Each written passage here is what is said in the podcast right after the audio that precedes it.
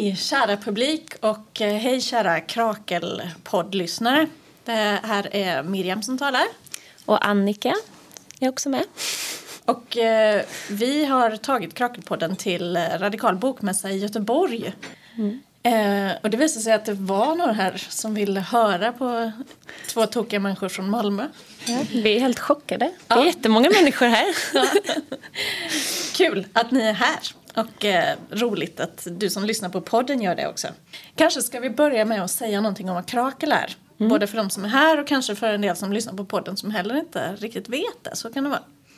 Eh, Krakel är en eh, socialistisk kulturförening med bas i Malmö som startades för lite mer än tre år sedan. Vi är en plattform mer än en, en organisation styrd av ett strikt program. Så att vad vi gör beror mycket på vad medlemmarna har lust att göra. Men vad vi har gjort hittills är ganska mycket folkbildning. Dels genom den här podden men också genom studiecirklar. Eh, vi har kulturarrangemang och eh, ja, olika verksamheter i vår lokal i Malmö. Vi brukar ha runda bordsamtal ofta på, på måndagar när vi har våra, eh, stående, vår stående tid i veckan. Eh, och det är ungefär 250 medlemmar, en del är inte alls aktiva, en del är väldigt aktiva. Och vi har gjort en del eh, cirklar digitalt också, bland annat den cirkel som är utgångspunkten för eh, dagens samtal. Och eh, den utgår från den här boken. Ja, The New Faces of Fascism, Populism and the Far Right av Enzo Traverso som är en italiensk marxist. Du kanske kan mm. berätta lite mer om honom? Du är mer ja, han är insatt. historiker, ja. vilket eh, spelar ganska stor roll för det, eh, utgångspunkten i den här boken. Mm. Jag har läst eh, en annan bok av honom som heter Auschwitz, Auschwitz Marx och 1900-talet. Eh, den finns alltså översatt till svenska som gjorde den här ganska stora grejen att få mig att äntligen förstå förintelsen. Så det är ingen liten bedrift. Och då när eh, jag fick syn på den här boken så, så tänkte jag nu kommer jag äntligen få den samtida högerradikalismen förklarad för mig. Han kanske inte riktigt uppnår det ändå, om man ska säga mm. någonting om boken. Den är eh, en samling essäer snarare än en helhet. Och en del av de här essäerna är sylvassa men de hänger liksom inte riktigt eh, ihop. Nej. Eh, så ni behöver inte läsa boken. Den kom förresten ut 2019 på Verso, så har vi sagt det också. Men mm. vi kanske försöker att dra ut några av de eh, mer intressanta poängerna ur den mm. i det här snacket. Och en utgångspunkt är då att han vill introducera ett nytt begrepp som han kallar för postfascism. Och eh, diskuterar mycket hur det skiljer sig från den historiska fascismen. Och det här begreppet innehåller ju ändå ordet fascism men, men i en utvecklad upplaga som vill betona både kontinuiteten med den historiska fascismen och att den befinner sig i... Särarten ja. med liksom den samtida yttringen av fascism. Ja, och vi var väl lite, alltså i början av den här cirkeln tror jag att gemensamt för alla som deltog var att vi var lite skeptiska till begreppet postfascism och tyckte att det kanske förringade samtida fascism på något sätt. Och inte betonade kontinuitet utan snarare särskilde det för mycket från historisk fascism. Och det tror jag inte, i alla fall inte du och jag tycker längre kanske. Och det kommer vi prata mer om idag. Ja precis, vi ska liksom mm. testa det här eh, begreppet kan man säga genom att jämföra historisk fascism och samtida yttringar. Mm.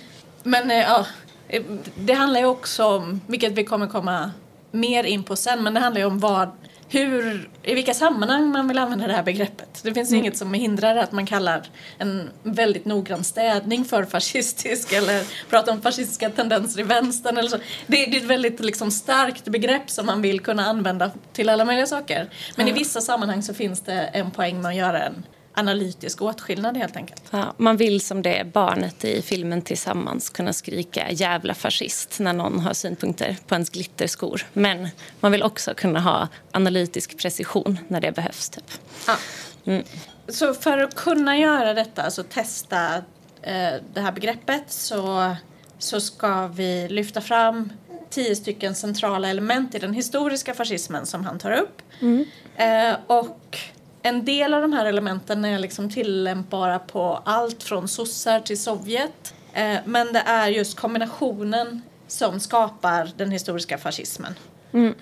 Och ett av de mest centrala aspekterna där, nämligen rashatet, finns ju faktiskt inte är varken socialdemokrati eller Sovjet på det viset. Inte som ett så centralt bärande element i alla fall. Precis, det förekommer men det, det fyller inte samma funktion helt enkelt. Um, vi kanske ska säga innan vi går in på vår tiopunktslista här eh, där vi ringer in den historiska fascismen att eh, alltså, hela podden är ju baserad på en studiecirkels Liksom, tankar och diskussioner. Och, eh, så vi vill tacka alla som var med i studiecirkeln för det. Och så vill vi särskilt tacka, mm. precis. Och så vill vi särskilt tacka Joe som var med i den cirkeln men som också har deltagit jättemycket i att förbereda den här podden och som ja. inte kunde vara med idag för att han jobbar. Ja. Mm. Okej, okay, så jag ska börja med alltså ett centralt element då i den historiska fascismen som Traverso lyfter fram är att nationen fungerar som en sekulär religion Eh, och det har ju egentligen sin grund i liksom ett liberalt eh, arvegods. Alltså det har sina rötter i upplysningen där man ser en sakralisering, det vill säga typ ett heliggörande av sekulära värden och institutioner. Typ tänk demokrati och jämlikhet och rättigheter och staten och så. Fascismen är på det här sättet en del av, alltså, det är en del av samma modernistiska tendens men attribuerar ju helt andra värden till nationen och dyrkar så att säga helt andra gudar det fanns liksom en stark nationell mystik. Man konstruerade ett mytiskt förflutet om typ urmänniskan och urlandet. Och, eh, I stort sett alla folk i Västeuropa var de som besegrade Rom, tror jag. Alltså mycket så här eh, upphaussad, liksom, romantisk, mytisk historia historieskrivning. Men det är någon mm. slags så här, Gud är död och så måste vi ersätta Gud med någonting och istället mm. för att det bara är eh, den liberala kapitalistiska tomheten så fyller vi behovet av eh, det sakrala med nationen istället. Mm, precis. Ett annat då, eh, särdrag hos eh, fascismen men som också delas av andra rörelser under den här eran är... Eh, eller ja, ja, jag återkommer till det. Men ett, eh, ett, ett, ett, viktigt element i den historiska fascismen är att liksom konstruera och mobilisera nationen som massa och alltså, det här har ju att göra med den liksom, materiella situationen som fascismen uppstår i. Alltså, det är ju sprunget ur ett samhälle som materiellt organiserade människor som massa eh, genom liksom hur produktionen var organiserad, eh, ideologiskt, alltså kommunikationsteknologi var också en del av det här att, att det finns liksom en mycket mer centraliserad form av informationsflöden och så. Stora grupper av människor delade helt enkelt extremt likartade livsvillkor och världsbild tillsammans. Alltså tänk i fabriker, i erfarenheten av världskrig. Eh, ja, så. Eh, och en del av... Liksom, och det här på något sätt präglar ju alla liksom, rörelser från den här eran. Att det, det är ett massamhälle på ett helt annat sätt. Inom eh, fascismen var det viktigt med liksom en ritualistisk och ceremoniell konstruktion av den här massan men massan som nation, då, eller nationen som massa. Eh, att man firar erövringar och martyrer och dyrkar ledare på nästan religiösa sätt. Om ni tänker er liksom bilder av Hitler och Mussolini nästan som idolbilder. Och alltså, man kan väl, vi vill betona på något sätt hur, eh, hur fascismen är situerad då i sina materiella villkor helt enkelt. Det är liksom en särpräglat modernistisk ideologi och delar alltså vissa av de här elementen med både liberalismen och socialismen. Alltså att man har, ja, men tänk så här, första maj och sånger och alltså att man har stora ritualer kring att konstruera massan. Liksom. Mm. Eh, men en det är viktigt. En stark ja. kollektivism. Liksom. Eh, men vi vill betona att de här rörelserna är ju inte lika varandra på något annat sätt än att de är sprungna ur samma, samma materiella villkor. Och det, det, där, det där kommer vi återkomma till. Eh, men man kan väl säga en central poäng som Traverso gör är att fascism kan förstås som en form av totalitär modernitet.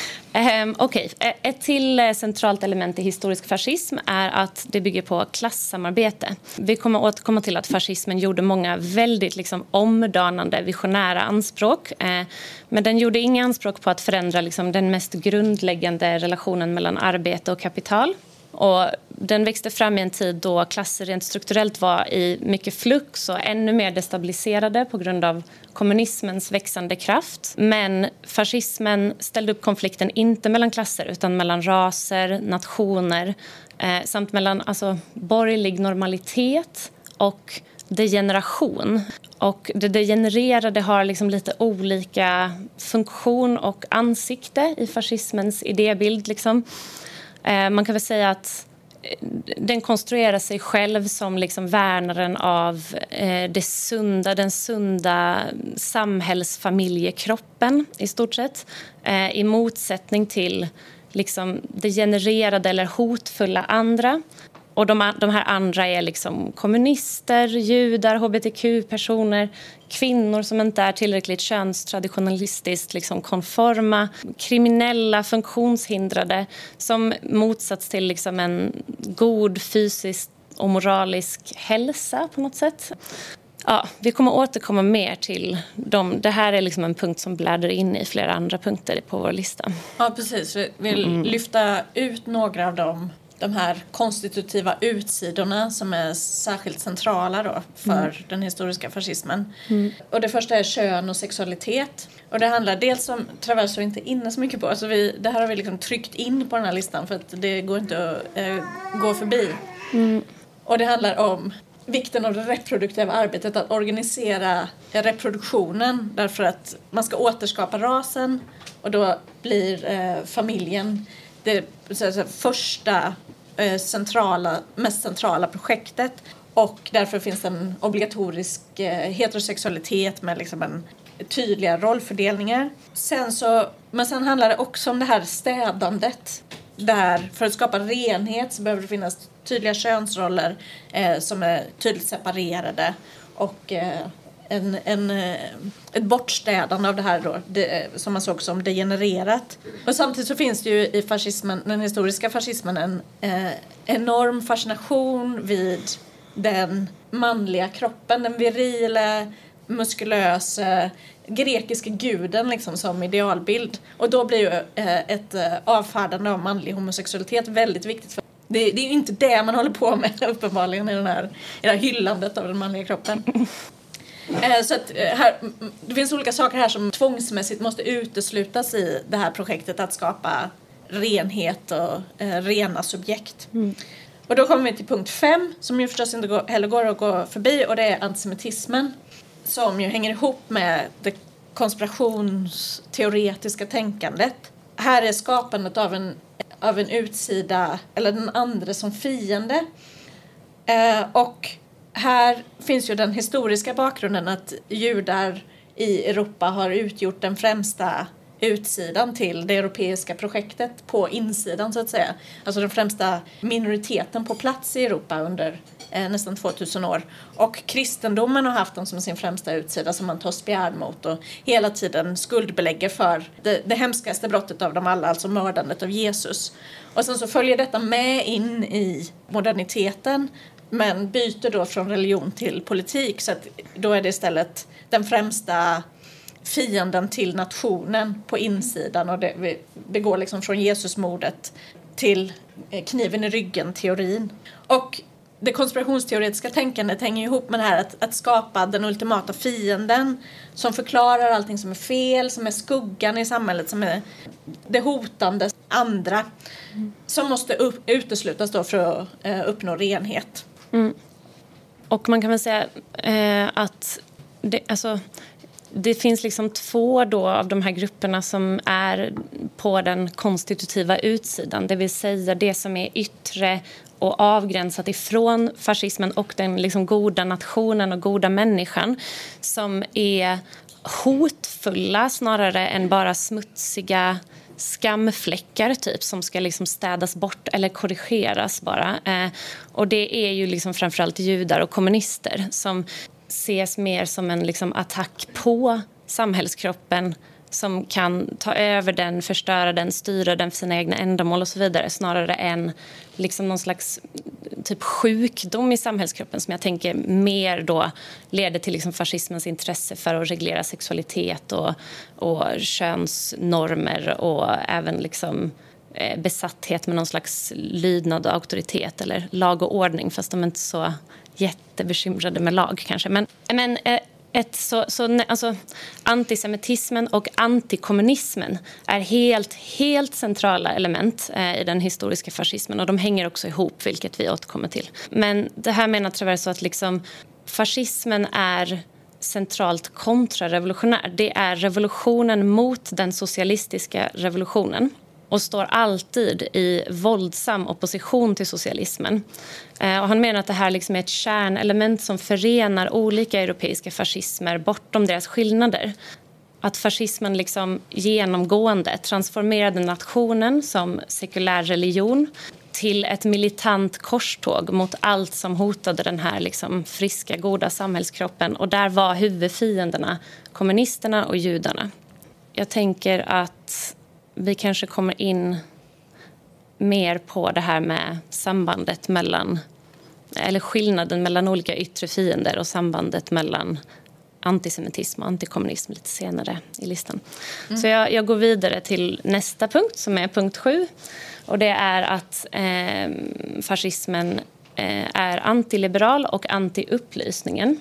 Och det är liksom lite, en lite paradoxal poäng för att fascismen avvisade ju upplysningens och liberalismens filosofiska värden och idéer. Alltså tog tydligt avstånd mot, alltså från eh, demokrati, medborgerliga rättigheter, idén om frihet och jämlikhet och också liksom ett eh, ideal av intellektualism. Alltså det är väldigt så... Eh, fascismen är ju liksom besatt med typ fysisk virilitet och styrka och tar verkligen irrationell på det viset. Mm. Verkligen. Ja, och det, det, där hänger också ihop med antisemitism. Alltså att det är den liksom urbana, intellektuella juden är liksom en så tydlig motbild mot den här liksom virila, naturanknutna, sanna mannen på något sätt. Samtidigt då som det är så här så förlängde och radikaliserade också fascismen vissa delar av liberalismens och upplysningens arv. Och med det menar Travers att det är liksom sakraliseringen av nationen Eh, och nationaliseringen av massorna. Så det är liksom egentligen en extrem iteration av liksom ett liberalt arv på ett sätt också.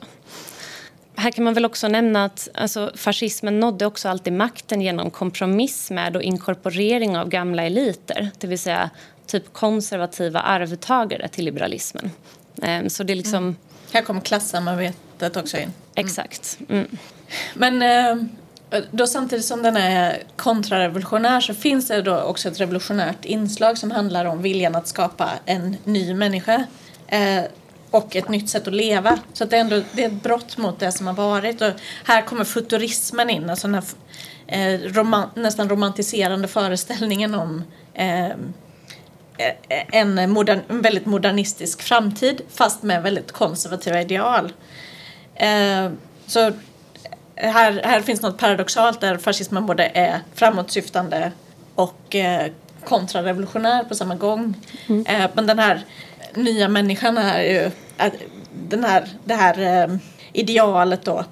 Och här kommer, kan vi direkt glida in på punkt 9 som handlar om dyrkan av våld och det har vi också nämnt det här viriliteten men det, det, det yttersta konsekvensen av den är eh, våldsamheten mm. eh, där erövring och imperialism blir en följd av detta eh, där eh, hierarki, auktoritet hyllas, dominans och underkastelse blir en del av den här eh, städningen där eh, varken samhället eller människan kan innehålla den komplexa uppsättning eh, saker som vi faktiskt gör utan man måste städa bort det smutsiga och eh, felaktiga på ett våldsamt sätt. Då. Och här sker också den här glorifieringen av, av våldet.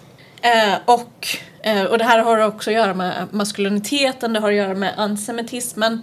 Eh, för eh, judiska män framställdes på väldigt femininiserade sätt. Alltså ibland att de hade bröst, ibland att de eh, menstruerade på olika sätt. Liksom var de motsatsen till den här eh, grekiska guden som eh, eh kunde slåss. Och det har också kommit med i den här bilden av judarna som bara eh, vallades som får eh, till, eh, till sin undergång. Som ni kan eh, höra mer om i ett eh, tidigare mm. samtal eh, i Krakelpodden som vi hade med eh, Kenneth Hermele i våras. och så slutligen då, det, det tionde elementet är socialdarwinismen som på något vis binder ihop flera av de här. Eh, socialdarwinismen är ju en vetenskap eh, inom citationstecken eh, för att odla den rena rasen och den förenar då den här äldre romanticismen med moderniteten på det viset att den objektifierar och förvandlar de här olika stereotypa föreställningarna till eh, förmodat medicinska kategorier. Då. Så konservativa hierarkier plus modernistisk vetenskap blir föreställningen om det naturliga urvalet som i sin tur då legitimerar och rättfärdigar hela det här projektet så det är helt centralt i den här ideologin. Det var vår lista. Ja. Vi kommer komma tillbaka till den sen när vi eh, granskar eh, dagens eh, eh, uttryck. Men vi ska först säga någonting om hur Traverso förklarar den historiska fascismen. Precis. Vill du börja? Varför uppstår den historiska fascismen? Och eh, en central förklaringsmodell som Traverso använder är att liksom, eh, det här är eh, en period av liksom, eh, kris på många sätt. Ekonomiska roller och klasser är i rörelse, samhället är delvis i kaos. Eh, och det här, man menar, det är ju liksom en inte bara Traverso som eh, pratar om det utan generellt brukar man väl säga att liksom, i den här typen av eh, situationer av upheaval liksom, eh, så skapas en fear of falling hos olika grupper. Liksom, och kanske centralt hos medelklassen. En, central, en rädsla för att förlora det, det som, man har. som man har, det lilla livet. Mm. Ja, precis. Och fascismen är helt enkelt liksom en eh, sammansvärjning av elit och medelklass. En medelklass som var liksom i kraftig fluktuation, alltså både människor på väg upp och människor på väg ner. så att säga. De går samman helt enkelt i ett försvar mot en växande kommunism. Och det, ja, det var helt enkelt reella klassmotsättningar som förenade elit och medelklass. Mm. i... Kommunismen var ju ett väldigt eh, närvarande och faktiskt eh, hot Ja. kan man säga. Precis. Och sen så någonting som eh, Traverso lyfter fram och som jag, jag verkligen tycker, tog till mig och tycker är viktigt att understryka det är vad eh, våld gör med ett samhälle. Mm.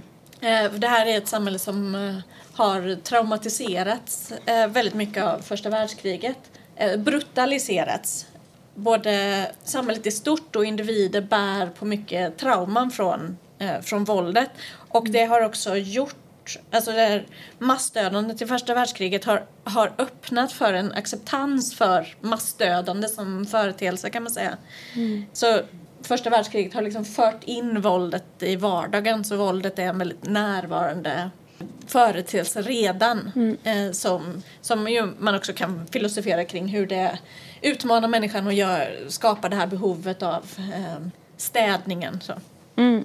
Det är ju överhuvudtaget, både liksom på individnivå, bara någonting som är otroligt närvarande i människors liv men också så kulturellt och liksom ideologiskt centralt överhuvudtaget under 1900-talet. Liksom våld och militarism och krig. Och, alltså, ja. Mm.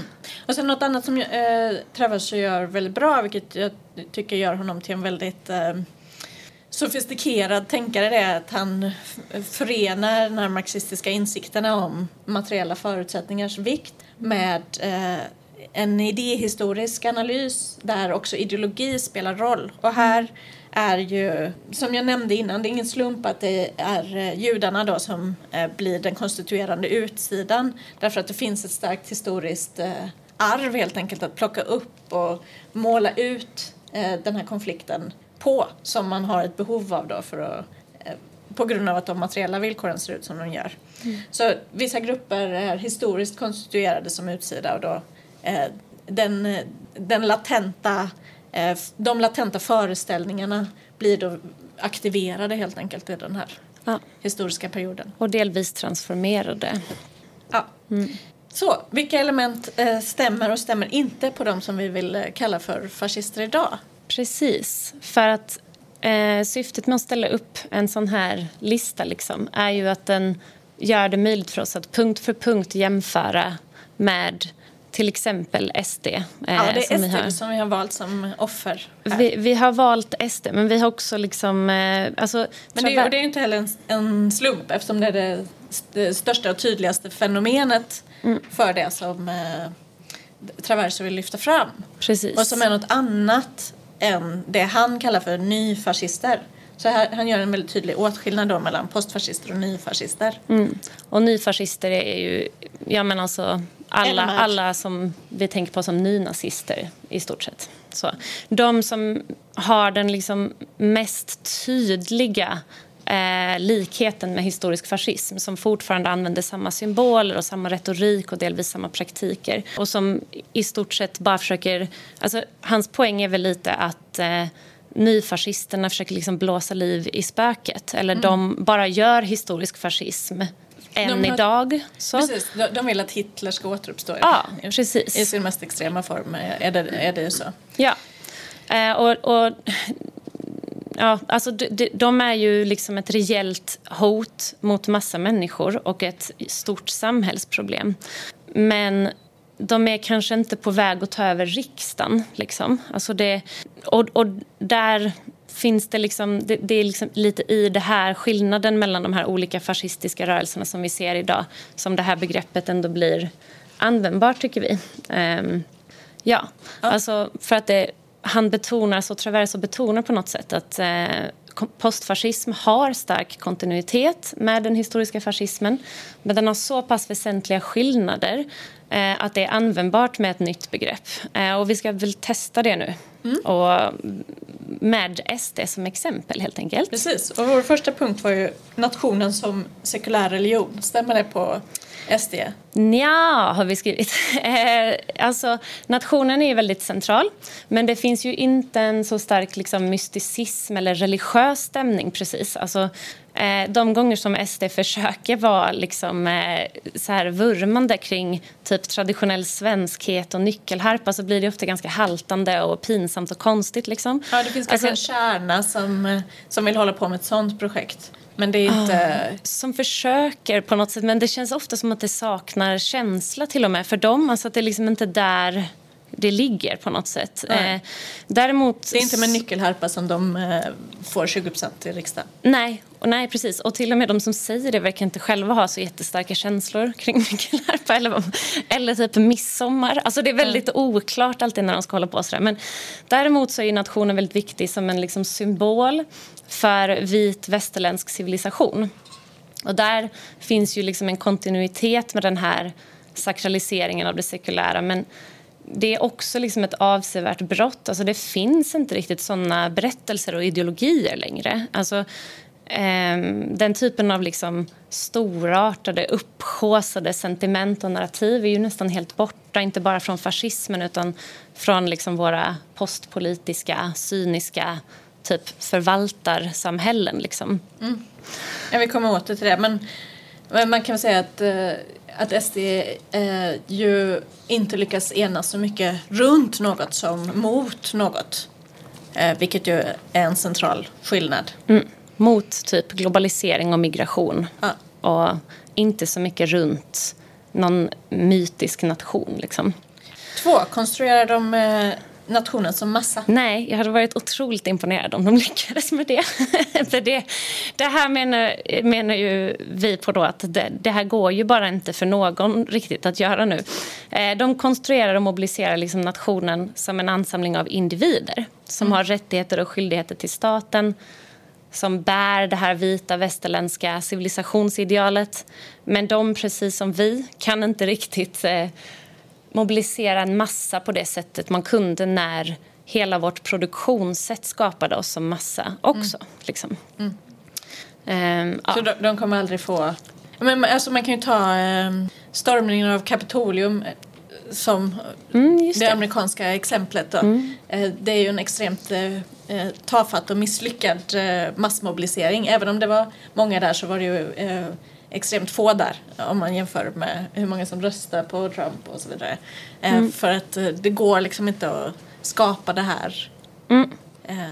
Och liksom organisatoriskt och informationsteknologiskt typ så är det är liksom politiska subjekt i mycket högre utsträckning atomiserade liksom. Ja. Across the board oavsett ja, politisk riktning. Sen har du den här svåra eh, punkten tre, klassamarbete. Som vi, alltså det är väldigt eh, omdiskuterat här vilka som röstar på SD och eh, eh vilka, vilka liksom SD-väljaren är och hur SD som parti förhåller sig till eh, borgerlighet eh, och så vidare. Mm. Vi, vi, ska inte fördjupa oss så jättemycket i det men generellt så säger vi kanske halvtveksamt. Jo, ja. jo, ja, ja, jo.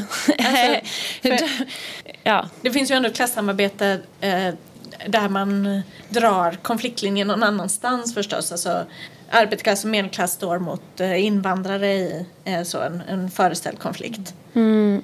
Eh, och man står ändå tillsammans med det nationella kapitalet då mot globaliseringen. Mm. Precis. Mot EU till exempel som projekt. Mm. Men vi tänker väl att om detta har många sagt mycket så vi lämnar det där för idag. Punkt fyra, eh, kön och sexualitet. Här Mm. tycker vi att det pågår en rörelse just nu där man tidigare har använt det tidigare har jobbat med pinkwashing och eh, eh, homonationalism eh, som ett sätt att dra den här gränsen mellan oss och de andra. Eh, vi de goda som håller på med jämställdhet och hbtq och så. Eh, men det är som att eh, det inte längre behövs.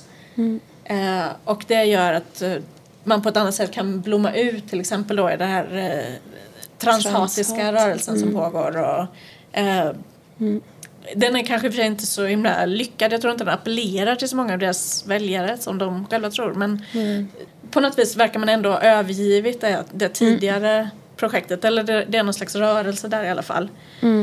Men, ehm, men det finns ju inte längre det här, alltså den manliga idealkroppen för SD är liksom inte den grekiska guden utan det är något annat Ja, mer oklart ideal som pågår. det är väldigt oklart tycker jag. Det finns ju, alltså det, jag tycker SD är jävligt glid, glidiga och oklara i den här frågan. Liksom. Eh, och uppenbarligen i rörelse på något sätt. Eh, I USA finns det en mycket tydligare koppling tänker jag, mellan postfascister och någon slags så maskulinitetskult. Alltså alla Jordan Peterson, typ. Men jag tycker att det är riktigt... Jag vet inte Nej, riktigt de om det Mm. inslagen är kanske också på väg in. Det finns ju en antifeminism, absolut. Men den kanske eh, framförallt finns i en allmän anti-wokeism Ja, som vi men- ska återkomma till. samtidigt då tidigare åtminstone en uttalad ehm, Alltså att, att man på något sätt försöker tillskriva sig feminism i motsats till då de barbariska muslimerna. Liksom. Det, det har ju också varit centralt men det känns som att någonting är på väg att hända där. Liksom. Punkt fem, antisemitism. Också ja. Alltså konspirationsteorier ligger ju väldigt eh, nära till hands för den här gruppen och konspirationsteorin är alltid strukturellt antisemitisk kan man säga. Alltså för att det, det historiska arvet hos konspirationsteorin är så eh, djupt antisemitiskt så finns alltid det även om det inte uttalas. Ofta så, så använder de ju andra begrepp, globalister, kulturmarxister och så vidare. Och det här är kanske också någonting som som har blommat lite mer. Alltså, när man pratar om folkutbyte till exempel så det, det är ju en, eh, en djupt antisemitisk trop så, och det, det har man börjat använda ganska nyligen. Ehm, men det är ju framförallt andra som är de konstitutiva yttre eh, Ja. än judar. Alltså det, det, det finns inte lika mycket att hämta där utan man skapar framförallt den andra personen från Mellanöstern eller muslimen eller hur man konstruerar den. Så ja, men samtidigt så eh, enligt en eh, opinions eller en attitydundersökning som Forum för levande historia gjorde här om året så har SD ändå de klart mest antisemitiska eh, den mest antisemitiska väljargruppen. Och de är ju, alltså, ehm, strukturell antisemitism är ju liksom ett brett förekommande fenomen inom alla möjliga rörelser och grupper. Men jag skulle nog ändå säga att SD gör större bruk av strukturellt antisemitiska troper än vad andra rörelser och grupper gör. Liksom. Absolut. Eh, men man kan väl säga att den här funktionen av den andra eh, som juden hade för den historiska fascismen delvis finns kvar men eh, en hel del av de funktionerna har bytts ut mot en annan utsida Exakt. med andra drag. Ja, alltså man, man, man ska säga någonting kort om det. Alltså, det handlar också om att eh, den historiska föreställningen om juden och den historiska föreställningen om muslimen eller personen från Mellanöstern, orientalen som man sa för eh, ju också fyller olika syften där liksom juden är den här eh, eliten, eh, sammansvärjningen som har den här föreställda makten medan den här andra figuren snarare är, är ett hot i, i termer av eh, sin massa, alltså eh, att det finns en stor mängd som är liksom en eh, våldsam yttre fiende. Och eh, ja, båda de här finns fortfarande kvar och tjänar eh, sina syften men det finns en större betoning helt enkelt på den andra. Mm. Ja, är då den, ja, är SD kontrarevolutionärt och antikommunistiskt? Ja, alltså eftersom det inte finns en revolution och kommunism att ta spjärn emot så är de ju inte det på samma sätt. De är mer liksom allmänt höger och anti-etablissemang. Eh, samtidigt så är ju liksom vänstern såklart utpekad och det, alltså på internet så känns det som en väldigt vanlig grej att man kallar i stort sett alla som är liksom sossar eller vänsterut för socialister eller kommunister. Men det känns som att det... Trump kallar ju Biden för kommunist. Oh, om det vore så väl. Men eh, det... Nej, men det... Ja, precis. Alltså det, det, där finns ju någonting, liksom, det, det är väl något slags arv bara, gissar jag. Men eh, det de verkligen tar spjärn emot, skulle vi säga, är det sättet på vilket vänstern, vissa av vänsterns liksom kamper ändå har, mm, vad ska man säga, delvis vunnits men kanske också approprierats och bastardiserats av makten. Liksom. Alltså In till det som lite slarvigt då kallas woke.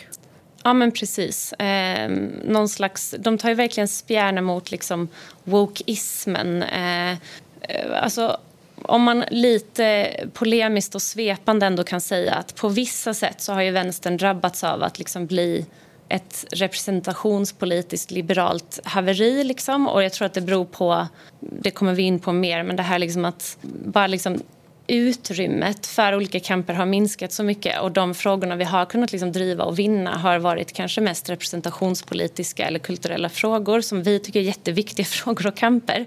Eh, men som liksom ibland har... Ja, men tänk på så här, när Linnea Henriksson gjorde reklam för SJ. Typ, och, alltså, allting blev väldigt konstigt där någon gång 2009, jag vet inte, 12. Ja, ja men att det liksom... Eh, det, alltså, det, finns ju ändå en eh, vänsterliberalism som absolut är både liksom institutionellt och ideologiskt förbunden med samma makt som eh, upprätthåller nyliberal ekonomisk politik. Liksom. Eh, och det tar ju SD verkligen, verkligen spjärn emot. Um, men nja till kontrarevolutionär och antikommunistisk. Mm. Mm. Eh, punkt sju. Eh, antiliberalism, antiupplysning. Mm. Här har vi också sagt nja. Mm. Alltså, det, det, ja, precis. De har ju, alltså det är ju ganska antiliberalt på många sätt. De har ju en stark vetenskapsskepsis någon slags tillit till så här sunt förnuft snarare än eh, vetenskap. Då. Eh, och med sunt förnuft menar vi ju liksom, ja vad är det? Det är väl typ normativitet då förmodligen. De har ju en... Magkänsla en... över eh, förnuft är någon slags dygd. Ja, precis. De har ju en stark villighet att inskränka rättssäkerhet. Eh, de är skeptiska mot journalister. Eh, de har ju ett rasistiskt påhejande av statligt våld de har en jävligt skakig relation till rättssäkerhet helt enkelt överlag. Mm. Alltså, de är inte... ja, men det är kanske jag på den här punkten helt enkelt. Ja, fast samtidigt så är ju liksom institutionaliserad liberalism en av avgränsarna för dem för vad nationen är. Alltså att vi har en liberaldemokratisk stat som vi kanske vill förstöra. Men det är det som gör oss liksom civiliserade. Mm. Ni där borta, ni har liksom sharia-lagar och är barbariska och mm. vi är inte det för att vi är liksom den här liberaldemokratiska staten. Så det, det är liksom lite paradoxalt. Men det, det, är ju den historiska fascismens relation till liberalism också. Men, ja, men man jobbar ju med parlamentariska eh, instrument och accepterar liksom den liberala demokratins spelregler på så vis. Mm. Mm. Än så länge. Mm. Eh, ja. Ja. Eh, ja, det här viljan att skapa en ny människa. Nej. Nej, men alltså samtidigt det är inte en modernistisk ideologi helt enkelt. Det är liksom en ideologi av vår tid. Det finns väl eh, ingen samtida ideologi som är så liksom grandios som eh, den historiska fascismen var. Liksom. Eh, de här stora idéerna om att revolutionera människan och livet har ju dött för oss alla. Liksom. Ehm, och det är mycket mer konservativt och bevarande. Det är inte alls lika förändringsorienterat som ideologi heller. Nej. Mm. Dyrkan av våld. Nej, får man ju ändå säga om man jämför med nyfascismen. Men samtidigt så finns det ju absolut sådana inslag. Alltså, eh, dels eh, uppmaningar till våld eh, som dyker upp ibland. Alltså även om det inte är ett lika, det är liksom inte lika programmatiskt så, så finns, dyker det upp hela tiden un, under någon slags städad yta såklart. Ja, det finns liksom en libidinal fantasi om att skicka militären till förorterna. Och Det är väldigt populärt så fort det kommer en video på någon som slåss med järnrör och så. Liksom det, men det är inte alls lika eh, explicit glorifierat och centralt. Och eh, den sista punkten, socialdarwinism. Nej. Nej. Och det har ju också att göra med den här att eh, vetenskap och modernism på det viset är mycket mer ett eh, liberalt projekt idag. Och eh, i den här rörelsen är liksom de antivetenskapliga tendenserna eh, betydligt starkare. Eh, och ja, men de här föreställningarna om den rena rasen och så vidare, det är inte det man jobbar med. Det är inte hot. Nej, det är inte på modet. Så, om vi sammanfattar detta så har vi ju sagt eh, en hel del ja, några nej, kanske något ja. Och det betyder ju helt enkelt att eh, det finns, eh, om man ställer upp det på det här viset, en, en tydlig skillnad. Och därmed så finns det, är vi övertygade, har vi blivit övertygade av Traverso om att det finns en relevans för ett nytt begrepp. För att förstå att det är eh, någonting nytt. Men också någonting likadant. Ja, något- precis. Alltså det, det heter inte något helt annat utan det heter något som är eh, anhängiggjort till eh, fascismen. Ungefär som begreppet postkolonialism är väldigt eh, relevant för att förstå hur samtiden hänger ihop med ett kolonialt förflutet men ändå en, no, något annat. Då. Ja, hur kolonialismen har förändrats helt enkelt till, till ett nytt fenomen. Ja. Det, det betonar ju på något sätt kontinuiteten. Liksom. Och det tycker vi att postfascism också gör. Ehm, Och samtidigt så är det viktigt att eh, Alltså det, det är analytiskt viktigt därför att det hjälper oss att belysa eh, vilka de materiella skillnaderna är på ett sätt som gör att vi kan förstå vår samtid bättre. Helt enkelt. För att det vi tyckte var intressant när vi gick igenom de här listorna i cirkeln var att liksom de allra mest centrala avvikelserna mellan historisk fascism och postfascism handlar om, alltså de är bara produkter av att de materiella förutsättningarna i samhället har förändrats. Så det är liksom egentligen, och på samma sätt då som liksom postkolonialism belyser hur kolonialism helt enkelt har förändrats i takt med eh, förändringen av liksom samhällets materiella organisering så belyser också postfascism att eh, SD är inte liksom...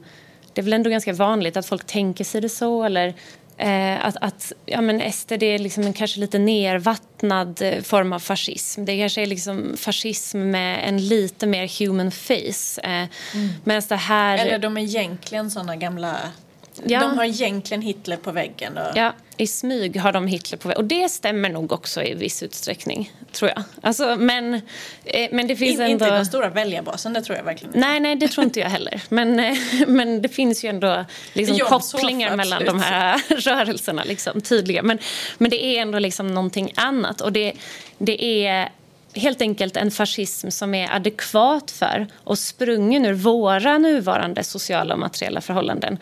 Det är vår tids fascism som är liksom, har kraft då i vår era. Och, och därmed är mycket mer hotfull än nyfascismen. Nyfascisterna är ju då ett hot mot alla oss som sitter här inne och en hel del andra människor. Men har inte den eh, samhällsomstört... eh, Alltså de är inte i närheten av den samhällsomstörtande potential som de eh, drömmer om och kommer inte heller att få det för de är, de är eh, nostalgiker. De har inte uppdaterat sig. Precis som att liksom... Ja, alltså de, vi, vi kom på någon... Nu, nu ska vi akta oss här. Det här är inte en hästskomodell-jämförelse men jämförelsen med typ bokstavsvänstern. Att det finns någonting liksom förlegat, att man bara liksom har Alltså de här gamla partierna som fortfarande är ja, är stalinister typ eller KP maoister, ja. eller... Ja, så här, att det liksom finns inget... Eh, man, man har bara inte hängt med liksom, i den materiella förändringen i samhället. Och man har liksom en politik som bara hör till och är sprungen ur en svunnen era. Typ. Eh, och det, ja, man kan ju vara nog så farlig för det om man råkar vara just nazist på det sättet men det är liksom, man är inte farlig eh, på det viset att man hotar att ta över hela makten över samhället. Liksom. Och, och, och, på samma sätt så säger eh, Traverso att postfascisterna har samma relation till fascismen som socialdemokratin av idag har till socialismen. Ja, vi behöver inte gå in på om den eh, liknelsen håller men det, det belyser ändå någonting mm. eh, i, i hur, hur man har mm. uppdaterat och förändrat det liksom, bagage man har med sig. Mm. Men det är ju förstås viktigt att säga, nu har vi ju gjort någon slags, som att det finns en väldigt tydlig splittring mellan nyfascism och postfascism och det är ju själva verket mycket mer flytande, alltså att det finns tydliga kopplingar och så. Mm. Eh, och eh, att det här är också rörlig materia eh, där vi kan tänka oss att den här listan kanske ser annorlunda ut om några år, att flera av de här sakerna har kommit till ytan. Mm, både eh, att de här rörelserna kanske kommer närmare varandra eh, och att postfascismen också förändras. Liksom. Ja. Men jag tror också att nyfascismen eh, undergår en förändring mot att likna postfascismen mer för att det är mycket mer framgångsrikt koncept helt mm. enkelt. Men det finns ju där alltså vissa av de här aspekterna som som ligger där och bubblar under, alltså nationen.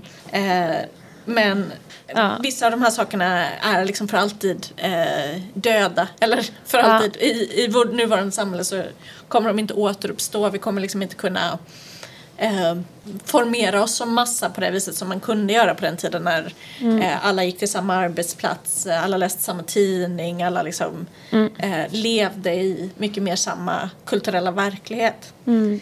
Och vi kommer nog inte heller se samma typ av eh, stora berättelser liksom, om att omdana världen och människan. Men alltså, däremot är ju liksom, rasism, antiliberalism, vetenskapsskepsis, antifeminism och våld är ju liksom på uppsving i världen. Eh, och det, vi kan nog vänta oss att det liksom kan leda till att postfascisterna har många fler ja i likhet med den historiska fascismen i framtiden. Mm. mm. Så, eh, vi konstaterar alltså att när vi har gjort den här särskillnaden så gör det att vi kan se olika saker om vår samtid. Och det tänkte vi nu gå igenom. Alltså vad, om man tänker att de här potentiella förutsättningarna för fascism finns i alla kapitalistiska samhällen men varierar i kraft och i form beroende på hur de materiella förhållandena ser ut mm. så innebär det att eh, fascismens status eller postfascismens status kan ses som en slags temperatur på samhället i, i övrigt. Mm. Så vad är det då för historiska, materiella, kulturella och kulturella kontext, ideologiska kontext som postfascismen verkar i? Mm. Ja, precis. För att for, alltså, formen är annorlunda, fiendebilderna är ritade annorlunda och konfliktlinjerna är dragna annorlunda. Och då har vi väl ställt oss frågan, okej, okay, vad är det som utmärker vår tid på ett sätt som skiljer sig från den eh, kontext som den historiska fascismen är sprungen ur?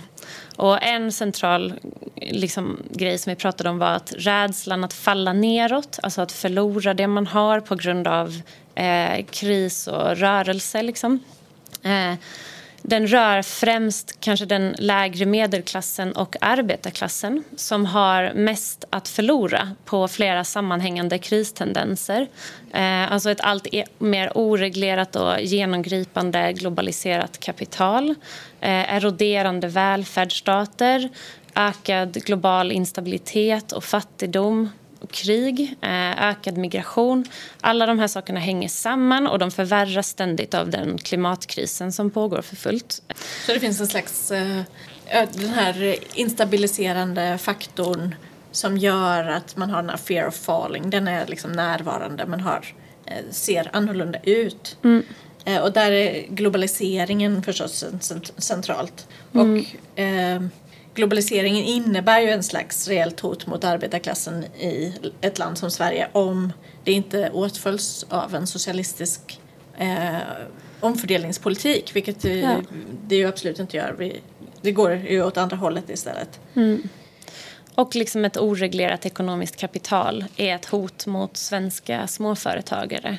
Alltså SD formulerar ju ändå en, eh, ja, de formulerar sig från den här punkten helt enkelt. Att liksom, ja, men vi kan inte ha fri invandring för då kommer liksom hela vår eh, sociala trygghet att falla sönder. Och vi kan inte ha eh, liksom fri penetration av oreglerat globalt, globalt kapital för att då eh, liksom förintas vår lokalekonomi och vi blir alla liksom inlemmade i ett mycket värre system. Typ. Eh, och det är ju inte osant liksom, om, om inte, liksom, om inte eh, de här kriserna eh, liksom hanteras med en socialistisk omfördelningspolitik så stämmer ju det. Att det liksom är ett hot mot eh, svenska arbetare och lägre medelklass. Liksom. Så om det är de materiella förutsättningarna, vad blir då det ideologiska svaret? Alltså vilka är det som man målar upp som fiender här? Mm. Och då är det väl eh, tudelat. Det är dels den här eh, hotfulla andra som kommer från eh, utifrån. Mm. Eh, men det är också makten. Och eh, makten här är ju det här eh, kombinationen av nyliberalism och eh, wokism då, mm. om, om vi ska säga så. Den här liksom väldigt konstiga hybriden som har uppstått där kapitalet och dess politiska agenter ändå har lyckats appropriera och bastardisera några av vänsterns ganska subversiva projekt. Eh, Därför att de inte hotar kapitalet. Liksom. Det, mm. går, det går att eh, gå med på mer sexualliberalism och det går att gå med på liksom, feministisk reformpolitik och representation och så vidare. Eh, det går att anpassa kapitalismen till det. Liksom.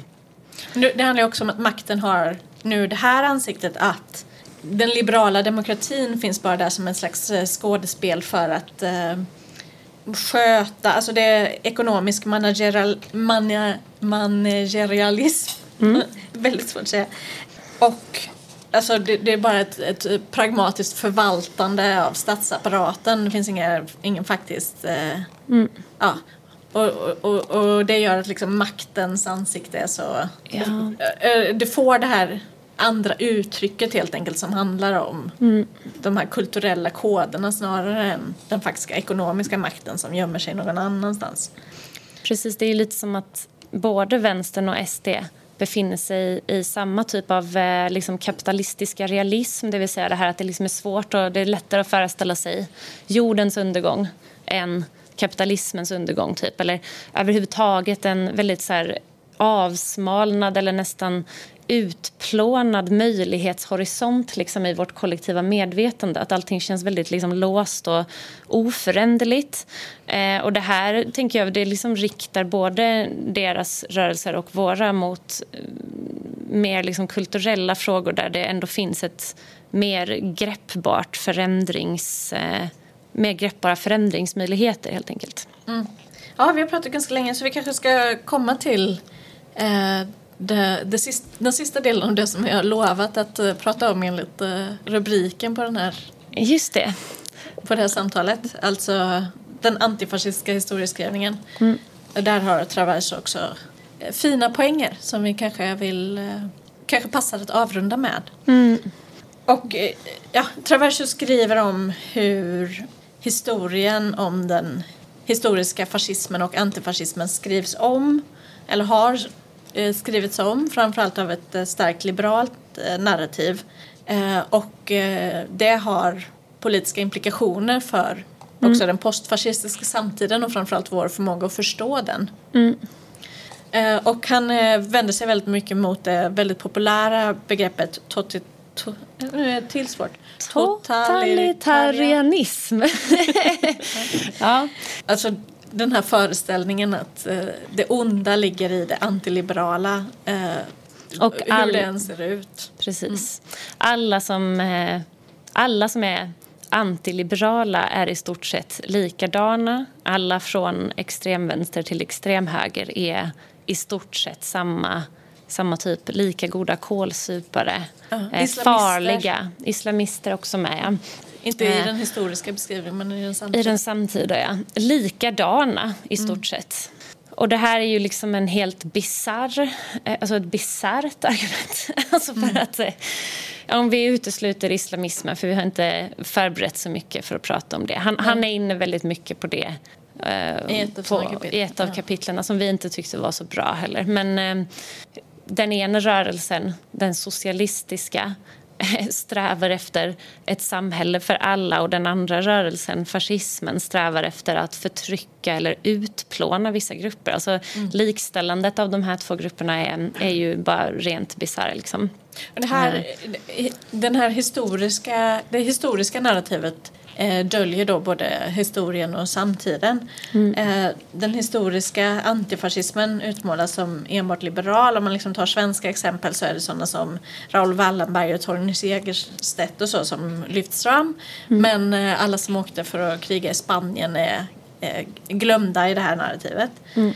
Och, och det här gör att eh, att det skrivs om till helt och hållet en mor moralisk situation och berättelse. Mm. Eh, I den här eh, andra boken som jag nämnde innan, Auschwitz, Marx och 1900-talet, som det också finns ett annat poddavsnitt om, så förklarar eh, Traverso väldigt fint hur vad kapitalismen spelade för roll i Förintelsen. Så mm. om ni vill höra mer om det så rekommenderar jag er att, att lyssna på det där gamla avsnittet. Men det ser man på historien ur den linsen så blir det ju en skymf att eh, utmåla dem som försvarar det system som låg till grund, eller var en del av grunden mm. för den här historiska, eh, det här historiska brottet. Precis. Att det är de som skulle vara hjältarna. Den liberala historieskrivningen rent får liksom eh, det liberala arvegodset och kapitalismen från sin centrala roll i att frambringa eh, Förintelsen. Mm. Och eh, för, alltså, raderar också ut... Eh, det, det, vill jag också bara nämna nu. Nu finns det ett, två, nej, ett annat poddavsnitt som handlar om det. Men den liksom både ideologiska men också faktiska kopplingen mellan europeiska judar och eh, liksom den starka kommunistiska rörelsen under 1900-talet. Eh, den är ju också, alltså, om ni bara drar er till minnes, typ undervisning om andra världskriget i svenska skolan. Eh, om ni har genomgått den. Eh, så, så är den liksom eh, Ja, alltså det, det, är bara liksom, det, fin, det, finns inte med helt enkelt. Att, eh, liksom, de, att, det var, att det fanns ett liksom massivt kommunistiskt motstånd mot förintelsen i vilket mass, alltså där det fanns en kraftig överrepresentation av judiska aktivister som var otroligt drivande i dåtidens socialistiska rörelser och som använde en myriad av olika metoder och organisationsformer. och så här.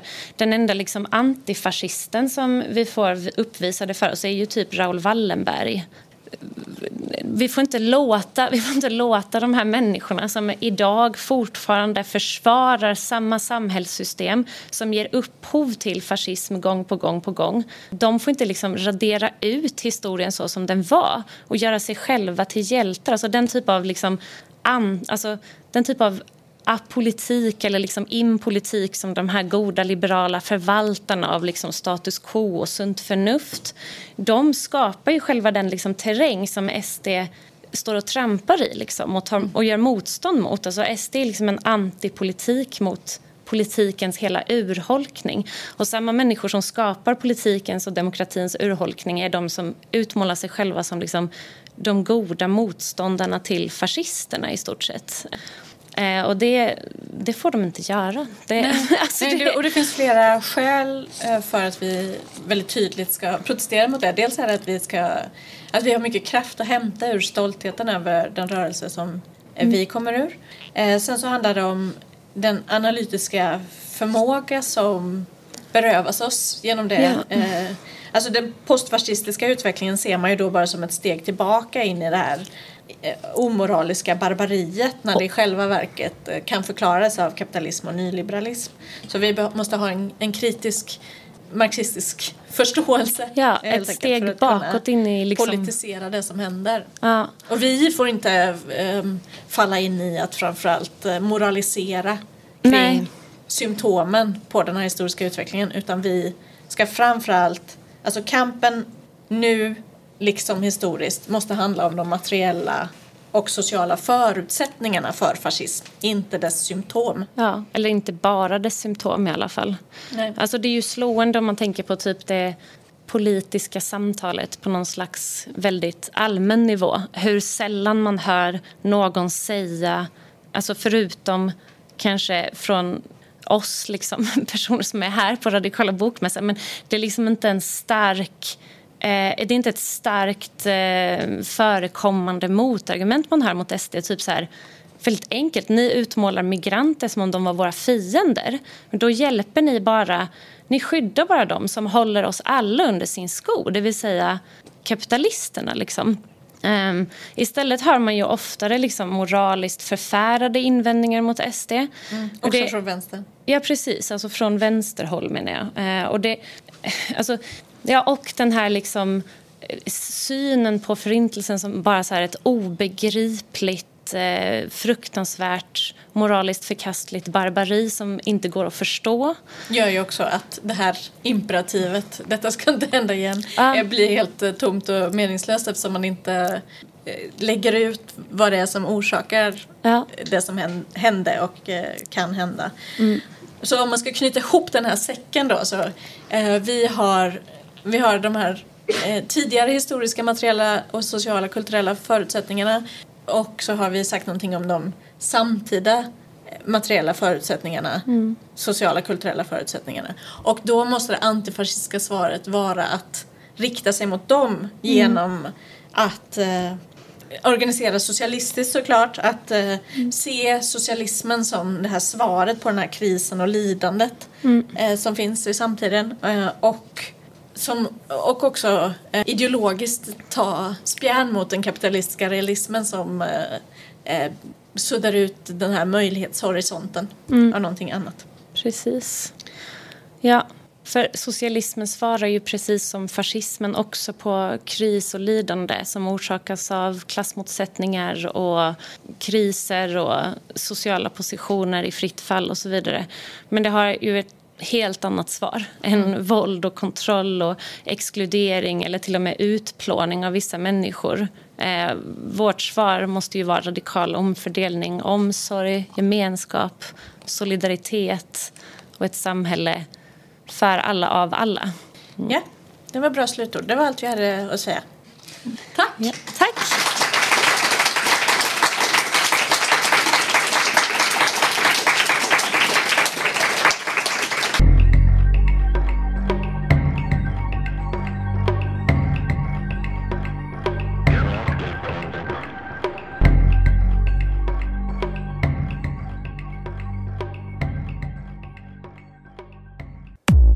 Du har lyssnat på en podcast som görs i samarbete med ABF Malmö.